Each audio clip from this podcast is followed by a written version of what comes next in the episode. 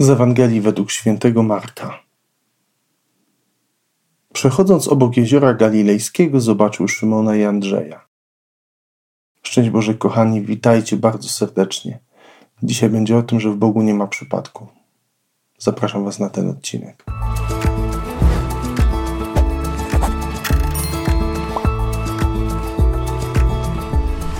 Kiedy słyszymy to zdanie w dzisiejszej Ewangelii, to może nam się wydawać, że to jest takie przypadkowe, że Jezus sobie gdzieś tam przechodził koło jeziora, nie wiem, rozglądał się, podziwiał sobie piękne e, góry, piękną roślinność i nagle zobaczył e, Andrzeja i Szymona. I podszedł sobie do nich zagadać. Od tak.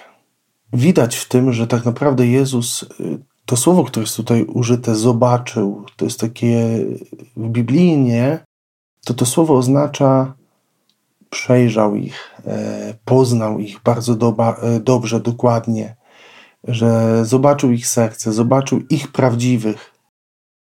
I w tym przychodzi Jezus właśnie i ich powołuje. Zobaczcie, piękne to jest, że On wcale nie zmienia im powołania. Byli rybakami i dalej są rybakami. To świadczy o tym, że Jezus doskonale ich znał.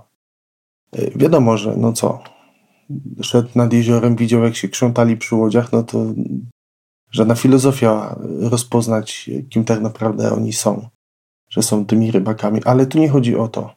Tu nie chodzi o to, co zewnętrzne, tylko on widział w nich potencjał e, na to, żeby stali się rybakami ludzi. Czyli nie tylko na powierzchni, ale żeby łowili w głębiach serc, żeby docierali z siecią Słowa Bożego do serc ludzkich. I to świadczy o tym, że Bóg nie wybrał ich przypadkowo, że On tam się znalazł właśnie dla nich, żeby ich powołać, żeby im nadać nową tożsamość, żeby dać im nową jakość życia, żeby zaprosić ich do tej nowej jakości życia. I tak sobie myślę właśnie o tym, jak Bóg też się pojawia w moim życiu, że ile razy On przychodzi tak bardzo y, zwyczajnie, niezauważalnie, wydawać by się mogło przypadkowo, ale on zawsze jest z jakąś konkretną misją, z konkretnym celem, żeby ciągle podnosić moje życie na wyższy poziom jakości, żeby nadawać nowy smak, nową jakość właśnie temu, kim jestem i jak to moje życie wygląda. Otwórzmy się na tą Bożą obecność, szukajmy Jego bliskości, szukajmy w wydarzeniach, które są wokół nas, w osobach, które Pan Bóg stawia na naszej drodze, naszych myślach, poruszeniach serca, w tym, co słyszymy na liturgii, co nam w sercu gra, kiedy spotykamy się z Bogiem w Jego Słowie.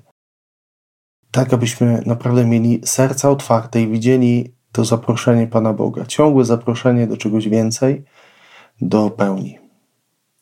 Błogosławię Wam, kochani, z serca, do usłyszenia i zobaczenia już wkrótce z Panem Bogiem.